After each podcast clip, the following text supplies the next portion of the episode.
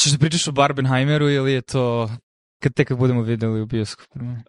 Pričao bih o tome kad budemo videli. Ali možda Jedino o fenomenu je... samom po sebi, jer mislim da su sada zašto stoji, jer generalno se priča o tome kako olas, u bioskope su opali. Mislim, je mnogo faktora, a olas i bioskope su niži, jako je teško povratiti pare, moraju da budu visoko budžetni filmovi koji će naterati ljude da izlaze u bioskope, za vreme covid stvari su se dodatno poremetile, ljudi ne idu ni u pozorište, ni ostale stvari, Um, tako da i drugo, stare kampanje više ne funkcionišu, tako da sada mi delo je, ono malo moja cinična analiza da Barbenheimer kao mim nije uopšte spontan mim koji su ljudi napravili, nego vrlo ono strateški e, način da povećaš salijentnost u na društvenim mrežama kako bi ljudi pričali o tome i od toga se napravio događaj i očigledno su sad puni bioskopi ljudi koji gledaju oba mm. filma.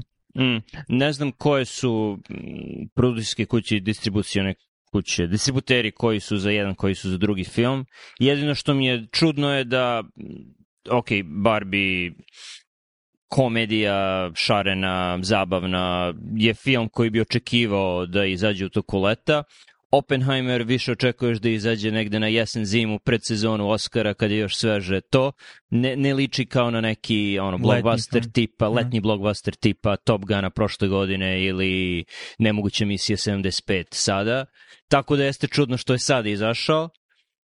Ne znam da li je postojala neka koordinacija ili o čemu su razmišljali, ali očigledno funkcioniše. Ne, ne A... Pa ne, pogotovo što razmišljam da li sad uopšte postoji tržište intermedijera, ono, Cambridge Analytica je još 2015. godine, znači sigurno postoji gomila malih ono, kompanija gde ti kao član PR tima neke poznate ličnosti ili produkcijske kuće a, unemiš nekoliko tih koji ti odrade analitiku društvenih mreža i izađu sa pet različitih kampanja i onda se ti odlučiš za jednu kampanju i onda imaš jer ono, nije, nije nasumično da na, random YouTube kanali koji rade analize filmova sad pričaju 15 godina od Dark Knighta, hajde da pričamo o Christopher Nolanu, zašto baš sada? Pa zato što izlazi Oppenheimer Um, pa, da, pričat će ono, ono zato što mu se sada izlazi film, zašto je to čudno? Pa da, ali nekako mi deluje da je timing tih stvari uzemno vrlo koristan i, i pogotovo što imaš gomilu čitavo tržište tih malih analitičara koji dozvoljavaju da se... Ne znam, e, na, razlog zašto sam ja počeo da sumnjam i možda je ovo više ono...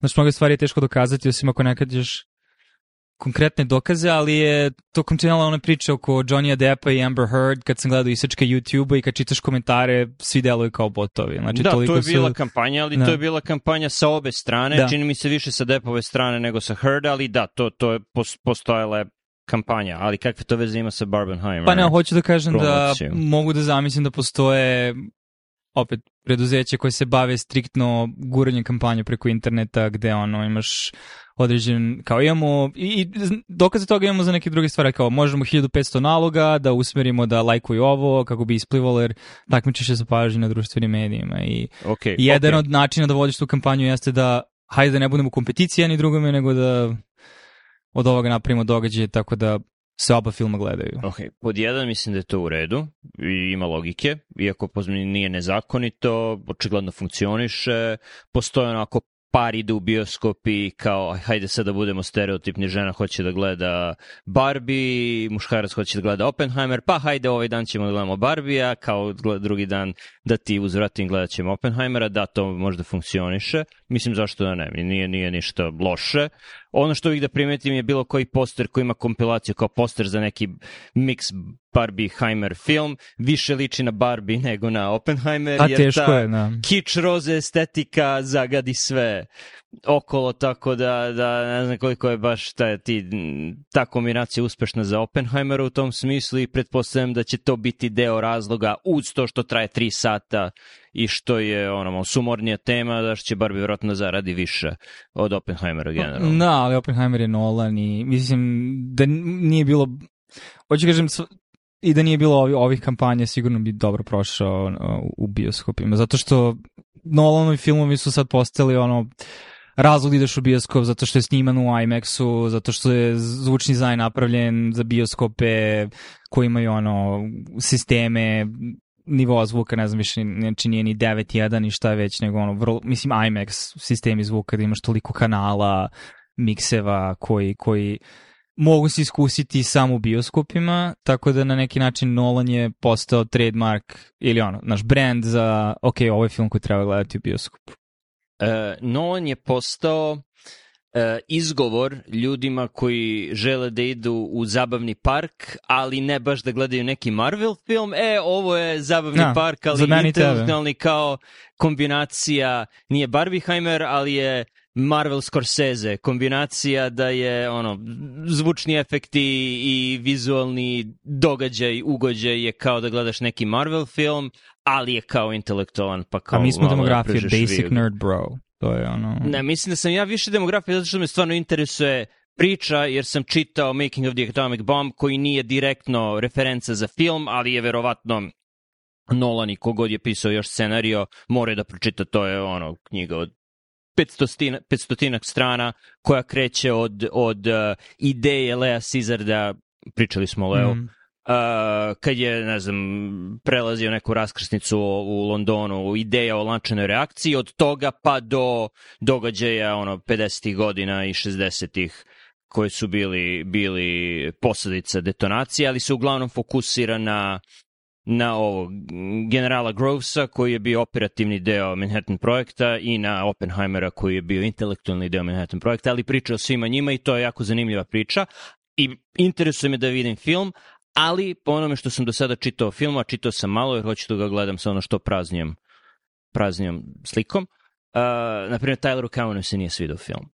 Ne, ali to to mogu da vidim da, mislim, Nolan nije Nolan i Scorsese. Mislim, sad, mislim, ko smo mi da, da kritikujemo, ali na nekom nivou, znaš, i kad je izašao, um, bože, Interstellar. Interstellar, da, da. Znao mislim, sam na koji mm. ćeš film da misliš je meni bio razočarenje. Da, da, znači to je bio, bio prvi film u nizu koji bi ono potencijalni blockbuster sa nekim high konceptom. Mislim, već iskreno kad sam gledao um, Inception, vidiš da je njegov stil više, hajde da napravimo neku mehaničku priču koja je kao funkcioniše kao zaplet u smislu nacrta, ali kad smesiš likove u sve to, počinje se pravi mnogo rupa u zapletu i ako počneš previše da preispituješ, onda gubiš ono, intenzitet zadovoljstva, tako da voli da napravi high concept koji, mislim i Dark Knight kad pogledaš ima mnogo akcionih scena koje nisu dobro iskoordinisane, koje su često haotično ono jurnjeva da po gradu. Šta se dešava na ekranu, da. Ne, da. možeš da razumeš. Mislim da čak i on Every Frame a Painting baš i pričao o tome. Tako da ni daleko toga da je on ono autora, ali opet sa druge strane jeste jedan najproduktivnijih i naj cenjenijih sadašnjih, no, mislim, direktora današnji, režisera današnjice, tako da vredi pogledati, ali njegov fokus je uglavnom na nekom vizualnom aspektu, zapletima koje piše svojim bratom, koji su više kao koncept, ali nisu toliko detaljno razrađeni, nego više kao ideja koja je kao wow, kao ono, I'm 14 and this is deep uh, nivo. Um, I ono, zvučni efekti. Da, I to je, mislim, ja Tenet nisam video, recimo. Tako da Barbenheimer kampanja utiče na mene, jer danas smo hteli da pogledamo, ali nema, mislim, prepuni su bioskopi svim, u svim terminima, tako da ćemo gledati vjerovatno od sledeće nedelje. Dobro, Tenet sam počeo da gledam po jedno deset puta i svaki put film počne nekim brundanjem u pozdani, neki bas i ne razumeš ljude šta govore, čak i sa titlovima, čest, red, redko teško možeš da pratiš šta se dešava, tako da sam odustajao više puta od gledanja. I ima sad taj moment, ne znam da smo pričali o tom ili smo gledali, ali vidio sam ono ističke iz intervjua i bio je neki kanal na YouTube-u koji je isto analizirao gde je ideja miksovanja tog zvuka da on isključivo može da se bude, da se jasnije bi čuo dijalog da slušaš u IMAX-u recimo, zato što ideja, da, i ideja je bila da ima gomila nekih stvari koje ne može potpunosti da razaznaš i da je zvuk deo zapleta i zbunjenosti šta god i tonom na kraju je to visceralna reakcija, znači ili ti se sviđa ili ti se ne sviđa. Mislim da se ni meni ne, tako nešto ne bi svidelo. Pogotovo sad kad smo gledali Indiana Jonesa u bioskopu, dosta dijaloga nisi mogao da čuješ. I sad to čitav koncept tome šta se dešava sa zvučnim dizajnom u filmovima i serijama da sad i Amerikanci gledaju serije sa titlovima na Netflixu zato što ne možeš ni da čuješ šta glumci govore. Mm. Ono što je dobro je što Hans Zimmer nije, koliko sam shvatio, radio muziku, jer mi je dosta i njegovog... Gde uopšte ne, ne postoji muzika, postoji neki zvučni efekti u pozadini koji treba da te... Bam, bam, bam, bam, bam, bam, bam, i uvijek trailer onako ide, ne samo This is the time.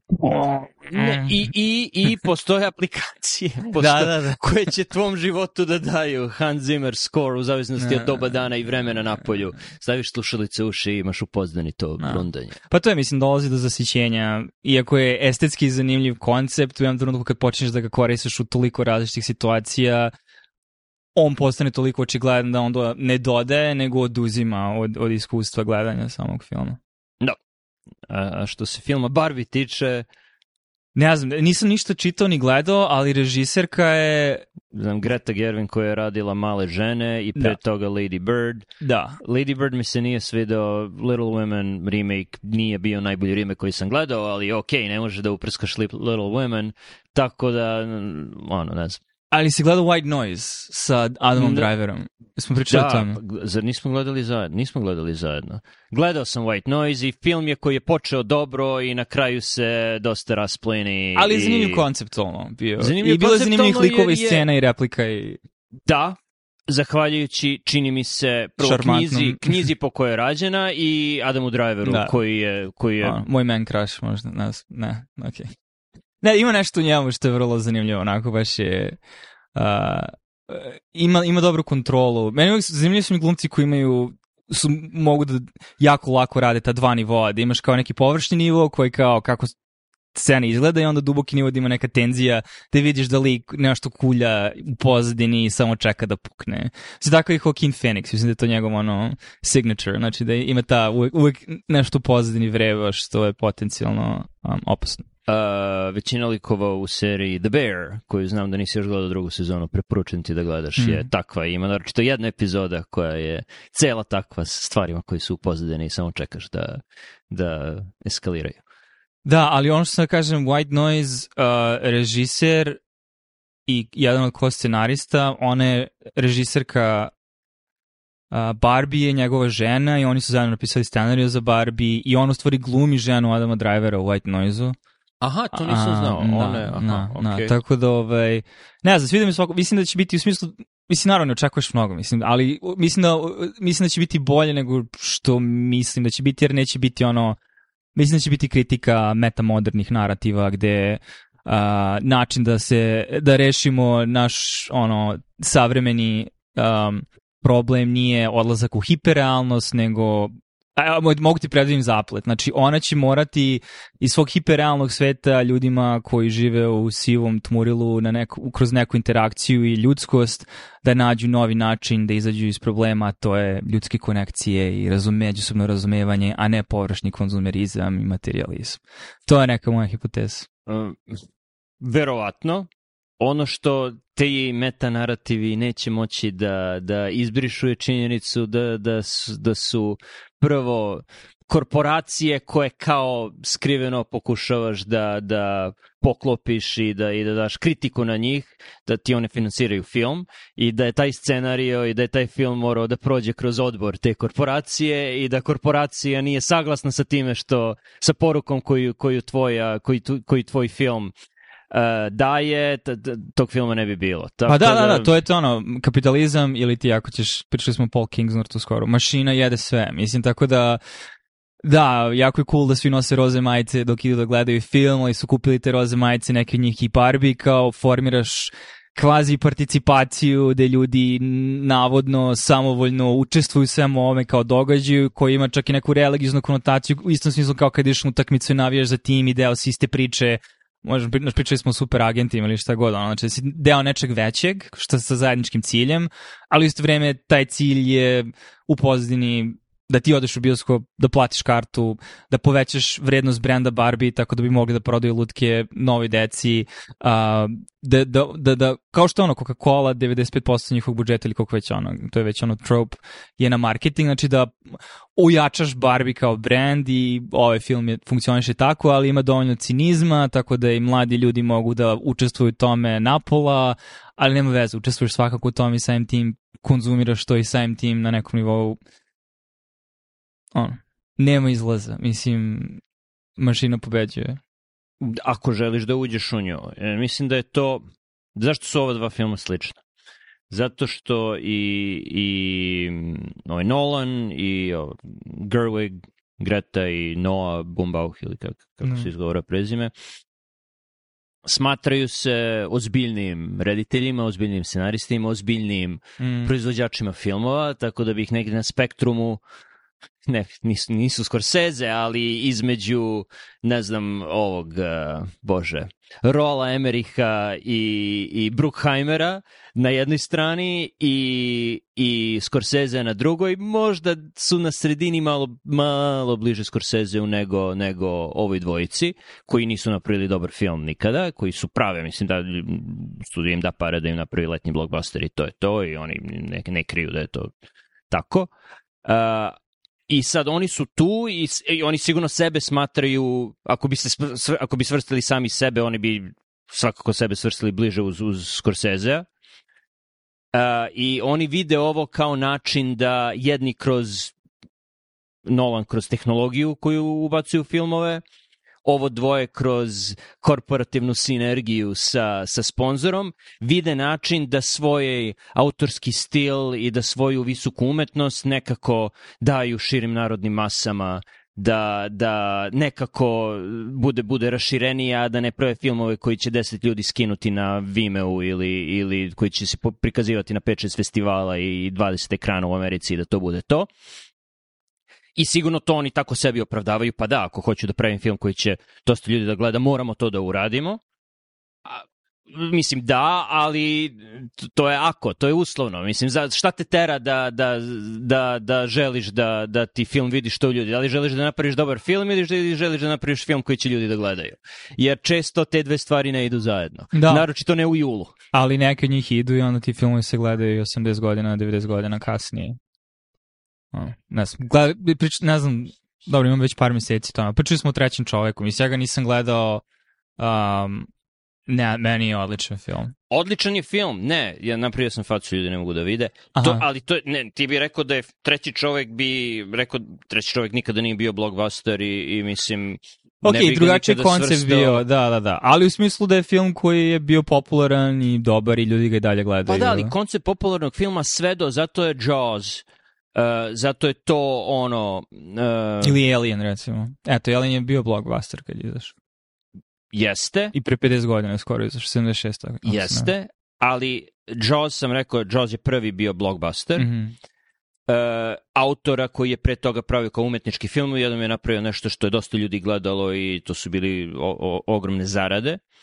Pre toga je koncept uspešnog filma, to je bio red veličine više nego što je bilo koji film pre toga zarađivao. Tako da bilo koji film pre Jaws-a koji imaš u glavi kao da to je uspešan film, pa da, ali bio je uspešan na nivou na koji je sada uspešan neki malo bolji film na, na, na Netflixu ili na HBO, na primer, neki HBO film. Nakon toga, kad su ljudi videli koliko filmovi u stvari mogu da budu popularni, počeli su da prave te blockbustere, ali nijedan film koji ti vidiš kao ono dugotrajan, koji je dobar i koji ljudi gledaju, to su filmovi koji ljudi gledaju, koji su gledani ono na duži tok, tokom, tokom 30-40 godina skupi se dovoljno ljudi koji je gledalo taj film Ali da ga gledaju i dalje. Ali Imperiju udarac je bio blockbuster i dalje dobar film. To je tačno ali kako, kako uh, vreme prolazi, da, slažem tako se. dolazi do hiperspecializacije da. blockbustera. Da, da. Jer, jer to je ono, kako se zove ona metrika što Taleb stalno priča, samo ih zaboravim referencu, kada, kada ti metrika postane cilj sam po sebi, a to je da povratimo pare koje smo uložili u film u roku od prva tri vikenda puštanja ili tako nešto, kada ti postane cilj počneš da gubiš razlog zašto ti ti filmovi uopšte vraćali te pare i onda filmovi postaju generički Marvel filmovi. Da, mislim da nije Taleb, ali to je Good Goodhartov zakon. Ne, ne, ali kada... znam da ga on spominje često, da, da. kad priča o medicinskim stvarima generalno. Da, da to je Good Goodhartov zakon, kad mm. kreneš da juriš metriku, metrika prestane da bude merodavna. Uh, da, to je tačno. Tako da, ja, taj period, mislim, no, ne izmišljamo, sad izmišljamo toplu vodu. Uh, poslednjih 15 godina, mislim, većina gledanih filmova su nastavci, većina su franšize i vezani za nešto jako malo, samo s, samo dovoljnih filmova je istovremeno i gledano, mada postoji jako puno dobrih filmova koji su izašli u poslednjih 20 godina, samo što ih ljudi ne gledaju.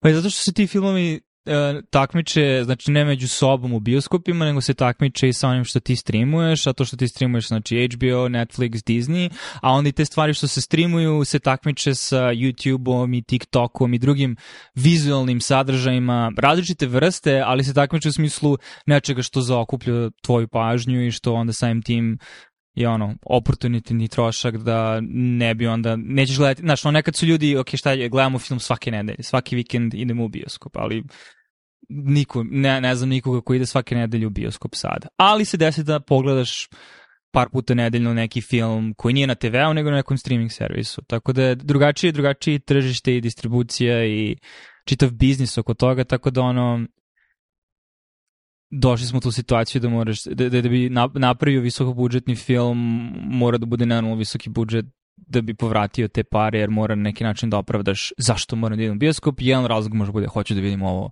u IMAX-u. Kao što je Avatar bio isto kad izašao, morate vidjeti ovaj film u 3D u bioskopu. Ne možeš da gledaš kod kuće.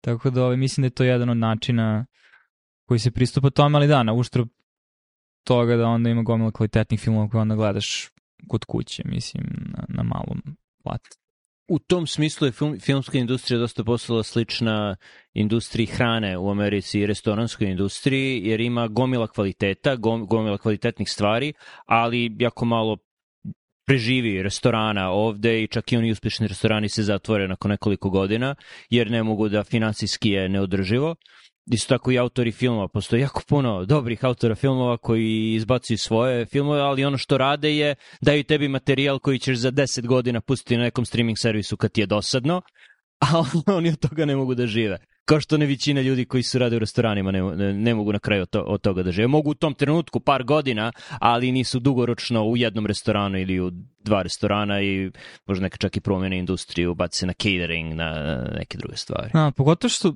ne znam, ovo je nešto čime se ono muči, mislim, ali naš način na koji internet sada distribuira sadržaje i filmove je drastično drugačiji od pre samo 10 godina, iako tehnološki broadband internet postoji. No, znači, nije ti se brzina toliko drastično promenila, iako na nekom nivou jeste, ali u smislu skida se filmove sa torrenta i 2010. godine.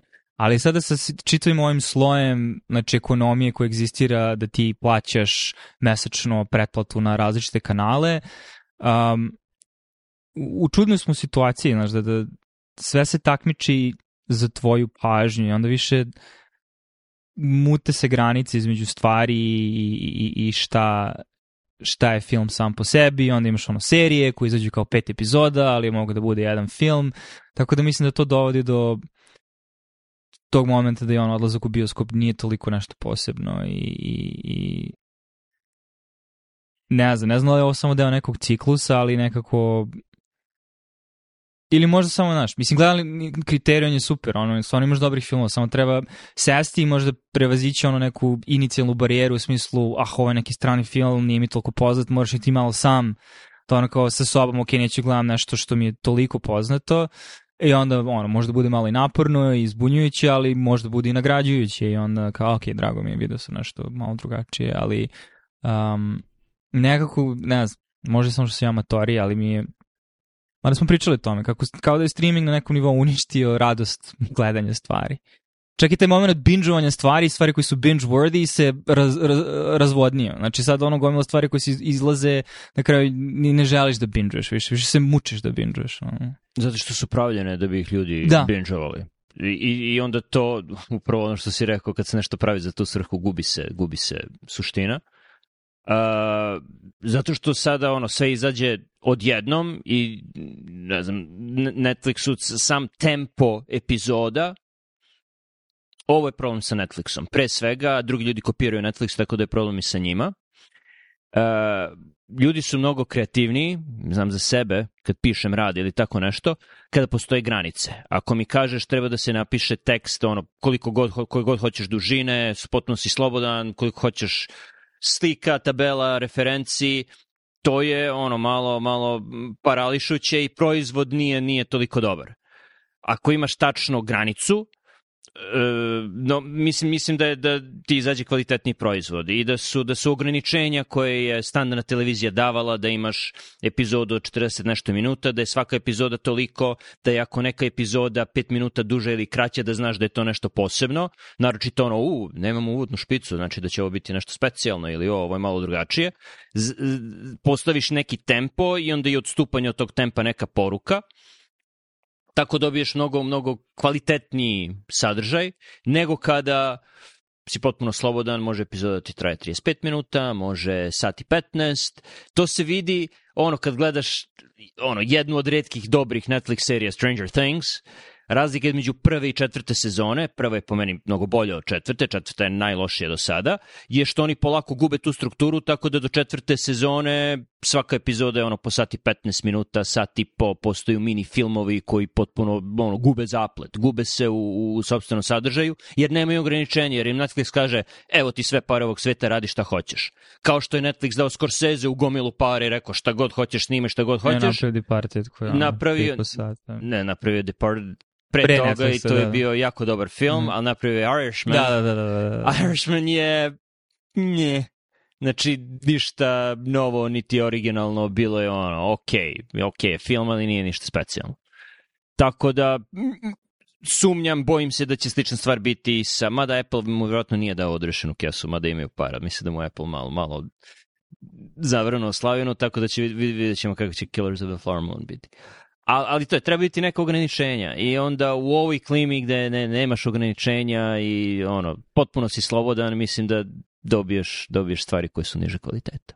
Da, mislim da je to boljka modernog doba, da, da nemamo ograničenja, da ograničenja sam po sebi nisu dobra, ono, na više nivoa analize, ali u ovom domenu mislim da je pori u velikoj meri što se sad sve te streaming službe međusobno takmiče i jedan od načine, znaš on kad je Netflix morao da izbacuje svoje sadržaje zato što su druge kuće htela da izbaci svoj streaming service, tako da ne možeš da gledaš ovu seriju na Netflixu više zato što je to Warner sadržaj, to će biti na HBO ili šta god.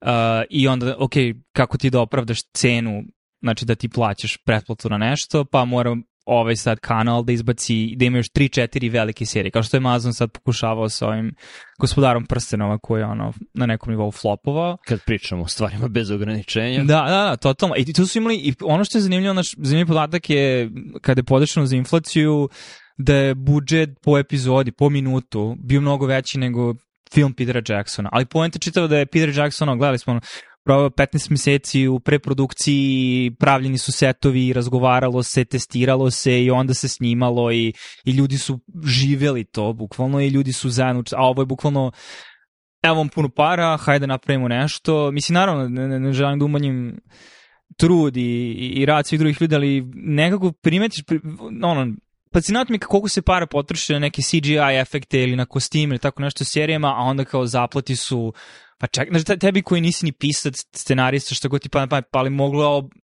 da bude da se napravi ovako, pa da barem ovaj lik ima više smisla nego ovako, to to delo je nasumično reakcija ovog lika. Uh, I nekako, kao, mislim, na kraju pisanje je najbitnije, priča je najbitnije, narativ je najbitniji i kao da tu, aha, sad imamo štrajk pisaca, ali mislim da zbog velikog pritiska da izbacuju što više sadržaja, ne, ne, ne provodi se ni dovoljno vremena u rafinisanju ideja, testiranju, da vidimo šta funkcioniše, šta ne funkcioniše, nego što pre da izvuciš što više i onda sadržaj sam po sebi pati. Da. No, da, plašim se, mislim, nadam se da neću biti u pravu, ali plašim se da će taj nedostatak ograničenja, insistiranje na tehnološkim dostignućima itd. itd. malo to hendikepira nastavak Dine unapred. Nadam se da će biti dobar film, prvi Aha. deo mi se jako svidao. No. Prvi deo je, mislim, bio na dobra kombinacija o, o, ono, veštine, umetnosti i stila i tehnologije, ali ono, imaju sada glumci koji su tu bili sada su i švaće zvezde, Očekivanja su veća, budžet je veći, budžet im je bio za prvi deo toliko nizak da nije stao, stigao da, da snimi uh, kraj koji je hteo. Film se završio pre vremena. Trebalo je da, da dođu do prvog ovog, kako se zovu, do prve kolonije. Tre, to, to, to je trebao da bude kraj, ali, ali nisu imali para za, za toliko scenografije. Ali se bojim da će da, da sada sa većim, sa većim očekivanjima da će, da će film biti loši. Vidjet ćemo. Ali to je ono često i pravilo. Mislim, na kraju kad je gospodar prstenova izlazio, imao je tu sreću da je bio u periodu kada je CGI još bio dovoljno rano, ono, golom se jedva pojavljivao u prvom delu, zašto je tehnologija, bukvalno film sam pravio tehnologiju ljudi koji su radili na filmu i onda do trećeg dela ljudi kritikuju ono CGI Legolasa koji se penje po slonu ili šta god, a onda naravno posle toga imaš još i problem sa Hobbitom koji ima još veći budžet koji je bio još više da raštrkan i da, bez ono um, sa gomilom rupa. Ne, Hobbita nisam mogla da gledam jer to nije bilo knjiga Hobbit. Ne znam šta su snimili, ali svakako nije... Knjiga Hobbit ne zavređuje tri epska dela od po tri sata ili koliko već A da, ono kad ti treba manje vremena da počitaš knjigu nego da pogledaš sve filmove. Da, znači ima neče... Mislim, mislim, da, mislim da svih ovih stvari koje smo ono, nabacali kroz... Ako hoćeš da budeš blagonaklo možda kažeš, kroz kreativni ili ono, mislim koji smo bullshitovali, ali mislim da ima nečeg u tome da kada studiji imaju očekivanja i pumpaju se pare i... Mislim, nas gledali smo skoro neke stare filmove Guillermo del Tora i odlični su, ali to su bili filmove u kojoj on imao ograničen budžet i znači mora da pravi vrlo jasne stilske izbore, ali onda taj izbor i neko malo rešenje bude toliko magično jer u tom malom toliko mnogo, mnogo toga sadržano mislim ima da vidiš trud nekako. To se vidi, to se oseti, a, a onda kad vidiš samo gomilu bestelesnih, bestežinskih CGI likova koji skaču oči, ispred nečega što je očigledno zeleno platno u nekom bestežinskom stanju, nemaš uopšte osjećaj uloga, težine, izbora i uvek je ono univerzum i sve treba da se spasi. Mislim, mi smo ljudi koji živimo na zemlji i imamo ograničen životni vek. Ne, nama ti koncepti se jako brzo gube, a ulaziš taj problem, pogotovo kada hoćeš da se nas osloniš na prethodne nastavke i da širiš priču dalje i dalje, a opet zato što želiš da privučeš publiku jer imaš brand i onda kako ćeš osigurati da će barem neko da vidi taj film, pa mora da postoji baza fanova i ono, zašto je Disney kupio Star Wars i tako dalje.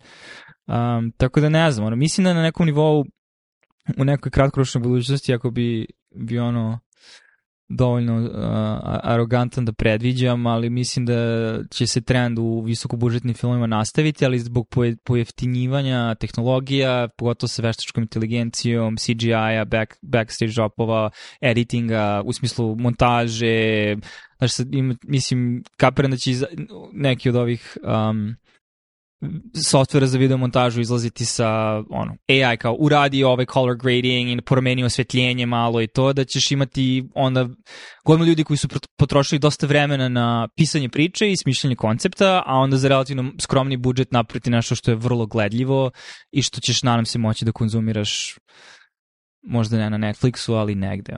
Mm -hmm. Ono što je verovatnije je da za deseta godina nijedan nijedan od tih studija više neće da postoji, jer je ovo što rade financijski neodrživo, da su razlozi za štrajkove sada i pisaca i glumaca, prvi put posle ono, 60 nešto godina, Uh, da, veštačka inteligencija, da, ali više od toga to što se bore za veći deo sve manjeg i manje kolača, Tako da, produkcijske kuće su sve u financijskim problemima, uključujući Disney, Disney Plus, njihov streaming servis gubi stotine miliona dolara godišnje. A, Zabavni parkovi im gube novac, sve im gubi novac. Tako da, da, da su ovi štrajkovi to što su studiji odlučili, pa da, sad treba da uštedimo pare za sebe, tako da njih nećemo da plaćamo. To je pre svega razlog za štrajkove, a ne toliko veštačka inteligencija i mislim da su svi oni na brodu koji tone i da, i da će biti u sledećih deset godina velika prekombinacija, rekombinacija filmske industrije i industrije zabave. Pod uslovom da vetar ne oduva kroz oluje celu civilizaciju, tako da to što nećemo imati filmove će biti mnogo manje bitna stvar u narednih deset godina. Ne znam ono kako pomisliš nivo analize, ok, ali možda ni to neće biti toliko bitno ako svi budemo bili u mnogo gore ekonomskoj situaciji zbog mm, meteoroloških promjena koje, ko, ko, kojih smo svedoci sve više i više. Pa dobro, to je tačno, to je druga tema, ali i za vreme velike depresije, i za vreme drugog svetskog rata, za vreme svih katastrofa i dalje su postojali zabavni sadržaj i ljudi ja. Da. su tradili, tražili naravno da se zabavljaju. Ako ništa drugo, iPhone imaju sve bolje i bolje kamere i bolje i bolje ekrane, ne treba ti studijsko svetlo za studijski kvalitet slike, tako da će ljudi moći u svojim podrumima i skloništima da snimaju kratke skečeve i da šalju jedni drugima iz Fallout skloništa u Fallout sklonište. Da, ili ćemo, ono, kako ono, kako zove, Station... Station 11.